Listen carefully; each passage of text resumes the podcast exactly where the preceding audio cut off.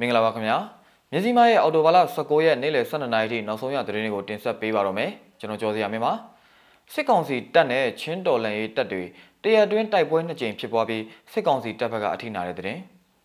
ကတာချင်းတောင်မှ905ကာကြီးနဲ့တရားစွဲဆိုခံထားရသူ12ဦးပြန်လွတ်လာတဲ့သတင်းမှုပုံရဲစခန်းတွင်ဘုံဖောက်ခွဲမှုတွေပြုလုပ်ခဲ့တယ်လို့ပျောက်ကြားတပ်ဖွဲ့ပြောကြားတဲ့သတင်း အပဲကုမ္ပဏီအတွက်ထိုင်ဝမ်နိုင်ငံက electronic ပစ္စည်းထုတ်လုပ်သူ Foxconn ကုမ္ပဏီကလျှက်စစ်ကားများထုတ်လုပ်ပြသခဲ့တဲ့တဲ့တင်အစရှိတဲ့ပြည်တွင်းနဲ့နိုင်ငံတကာသတင်းတွေကိုတင်ဆက်ပေးပါတော့မယ်ခင်ဗျာစစ်ကောင်စီတပ်နဲ့ချင်းတော်လန်ရေးတပ်တွေတရအတွင်းတိုက်ပွဲနှစ်ကြိမ်ဖြစ်ပွားပြီးစစ်ကောင်စီတပ်ဘက်ကအထိနာခဲ့တဲ့သတင်းကိုပထမဆုံးအနေနဲ့တင်ဆက်ပေးကြပါမယ်ချင်းပြည်နယ်ဟာခါလမ်းမကြီးပေါ်မှာချင်းတော်လန်ရေးတပ်တွေနဲ့စစ်ကောင်စီတပ်တို့တိုက်ပွဲနှစ်ကြိမ်ဖြစ်ပွားခဲ့တာဖြစ်ပါတယ်ထလန်ရောကျေးရွာနဲ့တာကျေးရွာအကြားမှာ ချင်းမျိုးသားတပ်မတော် CNA ချင်းကာကွယ်ရေးတပ်မတော် CDF တို့ပူးပေါင်းတပ်ကစစ်ကောင်စီတပ်နဲ့နနက်တနာရီထိုးကတစ်ကြိမ်နဲ့နနက်7နာရီထိုးကတစ်ကြိမ်တိုက်ပွဲဖြစ်ပွားခဲ့တာဖြစ်ပြီးနှစ်ကြိမ်လုံးမှာစစ်ကောင်စီတပ်ဘက်ကကြာဆုံးမှုတွေရှိခဲ့တယ်လို့ချင်းတပ်ဖွဲ့ဘက်ကပြောပါတယ်။မနက်ကတိုက်ပွဲဖြစ်တော့စစ်ကောင်စီတပ်ဖွဲ့ဝင်တွေတောရဲတောင်နဲ့ကစင်းကလေးအကုန်ထွက်ပြေးကြတယ်။နောက်ပြီးသူတို့ကလူစုပြီးဖလန်းဘက်ဆုတ်လာတဲ့အချိန်မှာဒီဘက်ကစောင့်နေတဲ့ကျွန်တော်တို့တပ်ဖွဲ့ဝင်တွေကတိုက်ကြတာလို့ CNA ပြောခွင့်ရစလိုင်းထန်နီကပြောကြားပါတယ်။ ပထမတိုက်ပွဲမှာထလန်ရောကျေးရွာနဲ့တာကျေးရွာကြားမှာပိတ်မိနေတဲ့စစ်ကား၉စီးကို CNA နဲ့ CDF မှဝင်ရောက်တိုက်ခိုက်ပြီး9ယောက်တေဆုံးပြီးဒဏ်ရာအများပြားရရှိခဲ့တယ်လို့စစ်ကားတွေကိုလည်းဖျက်ဆီးနိုင်ခဲ့တယ်လို့သိရပါတယ်။စစ်ကောင်စီတပ်တွေအတွက်ဟာခဘက်ကစစ်ကူတွေမရောက်လာနိုင်စေဖို့မိုင်တဲတာဝန်ကုန်းကိုပြစ်ခတ်ကချင်းတပ်တွေကစီမံထားခဲ့တယ်လို့လည်း CNA ကပြောပါတယ်။ဒုတိယကြိမ်တိုက်ပွဲမှာတော့စစ်ကောင်စီတပ်သား9ဦးသေဆုံးခဲ့တယ်လို့လည်းသိရပါတယ်။ချင်းပြည်နယ်မှာစစ်ကောင်စီကအင်တာနက်ဖြတ်တောက်ထားမှုတွေကြောင့်ဆက်သွယ်ရေးခက်ခဲကြန့်ကြာမှုတွေလည်းဖြစ်ပေါ်နေပါတယ်ခင်ဗျာ။ ကတာချင်းတောင်ကနေပုံမှန်905ကာကြီးနဲ့တရားစွဲဆိုခံထားရသူ12ဦးပြန်လွတ်လာတဲ့တဲ့တင်ကိုဆက်ပြီးတင်ဆက်ပေးခြင်းပါတယ်။ပုံမှန်905ကာကြီးနဲ့အရေးယူခံထားရသူ12ဦးကတာမြို့အချင်းတောင်ကနေအော်တိုဘာလ18ရက်ညနေ3နာရီအချိန်ကပြန်လည်လွတ်မြောက်လာခဲ့ပါတယ်။ပြီးခဲ့တဲ့မေလကကတာမြို့နယ်အတွင်းပုံမှန်905ကာကြီးနဲ့တရားစွဲဆိုခံထားရသူတွေတဲကမှထီးချိုင်းက9ဦးဝန်းတိုက2ဦးပင်လယ်ဘူးက4ဦးစုစုပေါင်း12ဦးကိုခံဝန်နဲ့လှုပ်ပေးလိုက်တာဖြစ်တယ်လို့ပြန်လွတ်လာသူတို့ကပြောပါတယ်။ထီးချိုင်းမြို့ကလွတ်လပ်လာသူတို့က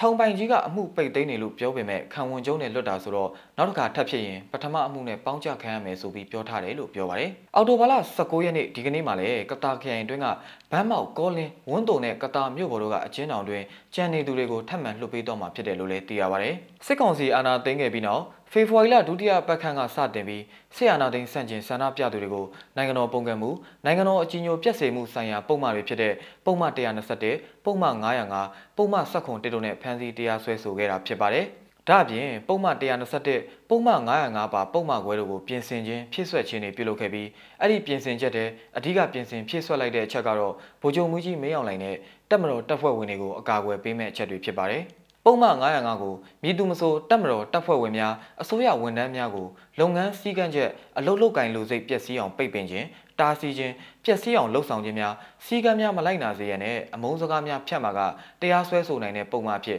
ပြင်ဆင်လိုက်တာဖြစ်ပါတယ်နောက်ထပ်သတင်းတစ်ပုဒ်အနေနဲ့မှုပုံရဲစခန်းတွင်ဘုံဖောက်ခွဲမှုပြုလုပ်ခဲ့ကြောင်းပျောက်ကြားတပ်ဖွဲ့ပြောကြားတဲ့သတင်းကိုတင်ဆက်ပေးပါမယ်။ မော်လမြိုင်မြို့မှုပုံရဲစခန်းမှာယနေ့နနက်ကဘုံပေါက်ကွဲမှုဖြစ်ပွားခြင်းနဲ့ပတ်သက်ပြီးဒေသခံပျောက်ကြားတပ်ဖွဲ့တွေက၎င်းတို့လှုပ်ဆောင်ခဲ့တာဖြစ်ကြောင်းညစီမကိုဆက်သွယ်ပြောကြားလာပါတယ်။မှုပုံရက်ကွက်မှာရှိတဲ့ရဲစခန်းမှာနနက်6နာရီခွဲကပောက်ကွဲမှုဖြစ်ခဲ့ခြင်းနဲ့ပတ်သက်ပြီး MPDF-V အဖွဲ့နဲ့မဟာမိတ်အဖွဲ့တို့ပူးပေါင်းလှုပ်ဆောင်ခဲ့တာဖြစ်ကြောင်း MPDF-V အဖွဲ့ဝင်တူကပြောပါတယ်။မှုပုံရဲစခန်းကိုဖောက်ခွဲမှုပြုလုပ်ခဲ့ပါတယ်။ချန်စီယိုတွင်ကားပြက်တွေကြားထဲမှာပါထိခိုက်မှုတော့မသိရသေးပါဘူးလို့ MPDF-V အဖွဲ့ကတာဝန်ရှိသူတူကညစီမကိုပြောပါတယ်။ အဲ့ဒီပောက်ကွဲမှုကြောင့်ထိခိုက်မှုတစုံတရာမရှိဘူးလို့လည်းသိရပါတယ်။ဒါ့အပြင်အော်တိုဘာလ18ရက်နေ့နေ့လယ်ပိုင်းကလည်းမော်လမြိုင်မြို့နယ်မောင်ငံရက်ကွက်ဂျီဝါကွင်းမှာနေထိုင်တဲ့ယာယီမှုဦးမိုးဆိုသူဟာတနက်ဖြန်၄ချက်ပြစ်ခတ်ခံရတာကြောင့်နေရာမှာပဲတည်ဆုံးခဲ့တယ်လို့သိရပါတယ်။အပဲကုမ္ပဏီအတွက်ထိုင်ဝမ်နိုင်ငံက electronic ပစ္စည်းထုတ်လုပ်သူ Foxconn ကုမ္ပဏီကလျှက်စစ်ကားတွေထုတ်လုပ်ပြသတဲ့နိုင်ငံတကာသတင်းကိုလည်းဆက်ပြီးတင်ဆက်ပေးကြပါမယ်။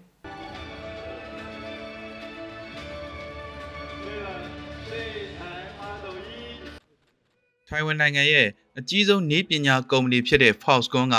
အလျင်မြန်ကျယ်ပြန့်လာနေတဲ့လျှက်စစ်ကားဈေးကွက်မှာအခြားကုမ္ပဏီများနဲ့ပူးတွဲကအောင်မြင်တဲ့ကားထုတ်လုပ်သူဖြစ်လာရေးကျိုးပန်းမှုတရက်အဖြစ်လျှက်စစ်ကား၃မျိုးကိုအော်တိုဘာလ18ရက်တနင်္လာနေ့မှာထုတ်ပြလိုက်ပါတယ်။ကမ္ဘာအကြီးဆုံးကန်ထရိုက်ရလလျှက်စစ်ပစ္စည်းထုတ်လုပ်ရေးကုမ္ပဏီ Foxconn ဟာ Apple ကုမ္ပဏီရဲ့ iPhone တွေနဲ့နိုင်ငံတကာထိပ်တန်းအမှတ်တံဆိပ်များစွာအတွက်နောက်ဆုံးပေါ်လျှက်စစ်ပစ္စည်းတွေတက်ဆင်ရမှာအဓိကအခန်းကဏ္ဍကပါဝင်နေတာဖြစ်ပါတယ်။ ဒါပေမဲ့လျှက်စစ်ပစ္စည်းတက်ဆင်ရေးအပြင်လုပ်ငန်းတွေအဖြစ်လျှက်စစ်ကားထုတ်လုပ်ရေးလုပ်ငန်းမှာငွေကြေးများစွာမြှုပ်နှံလိုက်သလိုဒေတာရင်းကားထုတ်လုပ်ရေးကုမ္ပဏီ Yulon Motor နဲ့လက်တွဲလိုက်တဲ့အပြင် OIO ကကားထုတ်လုပ်ရေးစက်ရုံကိုဝယ်ယူလိုက်ပြီးအရှိန်ဟုန်တိုးမြင့်လှုပ်ရှားလာခဲ့တာဖြစ်ပါတယ်။တနင်္လာနေ့ကထုတ်ပြလိုက်တဲ့ Model 3မျိုးကတော့ရှေ့ပြေးနမူနာပုံစံဖြစ်တဲ့ Sedan SUV ကားနဲ့ Bus ကားဖြစ်ပြီး Foxconn အနေနဲ့အခြားကားထုတ်လုပ်ရေးကုမ္ပဏီတွေနဲ့ပူးပေါင်းပြီးထုတ်လုပ်နိုင်ဖို့မျှော်လင့်ထားပါတယ်။ Foxconn ဟာကားထုတ်လုပ်ရေးလောကမှာလူသက်တမ်းအဆင့်မဟုတ်တော့ဘူးလို့တိုင်ပေမှာကျင်းပခဲ့တဲ့ကားမိတ်ဆက်ပွဲမှာဥက္ကဋ္ဌယောင်လျူကပြောကြားလိုက်ပါတယ်။ Foxconn တီထောင်သူ Terry Go က Foxconn တို့ Model E အမျိုးအစားစီဒင်ကိုကားမိတ်ဆက်အခမ်းအနားထိမောင်းနှင်လာကသူတို့ကုမ္ပဏီတို့လျှက်စစ်ကားတွေဟာထိုင်ဝမ်စက်မှုလုပ်ငန်းရဲ့ဗတ်ပေါင်းစုံဖွံ့ဖြိုးမှုကိုဖော်ပြနေတယ်လို့ဆိုပါတယ်။ Model C အမျိုးအစားအဖြူရောင် Saf လျှက်စစ်ကားကို2023မှာထိုင်ဝမ်ဈေးကွက်ထဲကိုဈေးနှုန်းထိုင်ဝမ်ဒေါ်လာ1သန်းနဲ့စတင်ဖြန့်ဖြူးသွားမှာဖြစ်တယ်လို့ကုမ္ပဏီကဆိုပါတယ်။ Model T အမျိုးအစားလျှက်စစ်ဘတ်ကားကိုအကယ်၍ပို့ဆောင်ရေးဝန်ကြီးဌာနရဲ့ခွင့်ပြုချက်ရခဲ့ရင် လာမယ့်နှစ်ကျရင်ကာအိုရှမ်းမြို့တောင်ပိုင်းမှာစတင်ထုတ်လုပ်နိုင်မှာဖြစ်တယ်လို့ဒုဥက္ကဋ္ဌရှင်လောင်ချင်းကဆိုပါတယ်။ Foxconn ဟာလျှက်စစ်ကားထုတ်လုပ်ရေးလုပ်ငန်းမှာ2020ခုနှစ်အတွင်းထိုင်ဝမ်ဒေါ်လာ10ဘီလီယံမြှုပ်နှံထားပြီးလာမယ့်နှစ်နှစ်အတွင်းယင်းနှိမြှုပ်နှံမှုတွေထပ်တိုးသွားမှာဖြစ်တယ်လို့၎င်းကုမ္ပဏီကဆိုပါတယ်။မြကြီးမားရဲ့အော်တိုဘာလ19ရက်နေ့လယ်12နာရီထိနောက်ဆုံးရသတင်းတွေကိုတင်ဆက်ပေးခဲ့တာပါမြန်မာပြည်သူပြည်သားပေါင်းဘေးရန်ရဲ့အမျိုးမျိုးကနေကင်းဝေးကြပါစေခင်ဗျာ။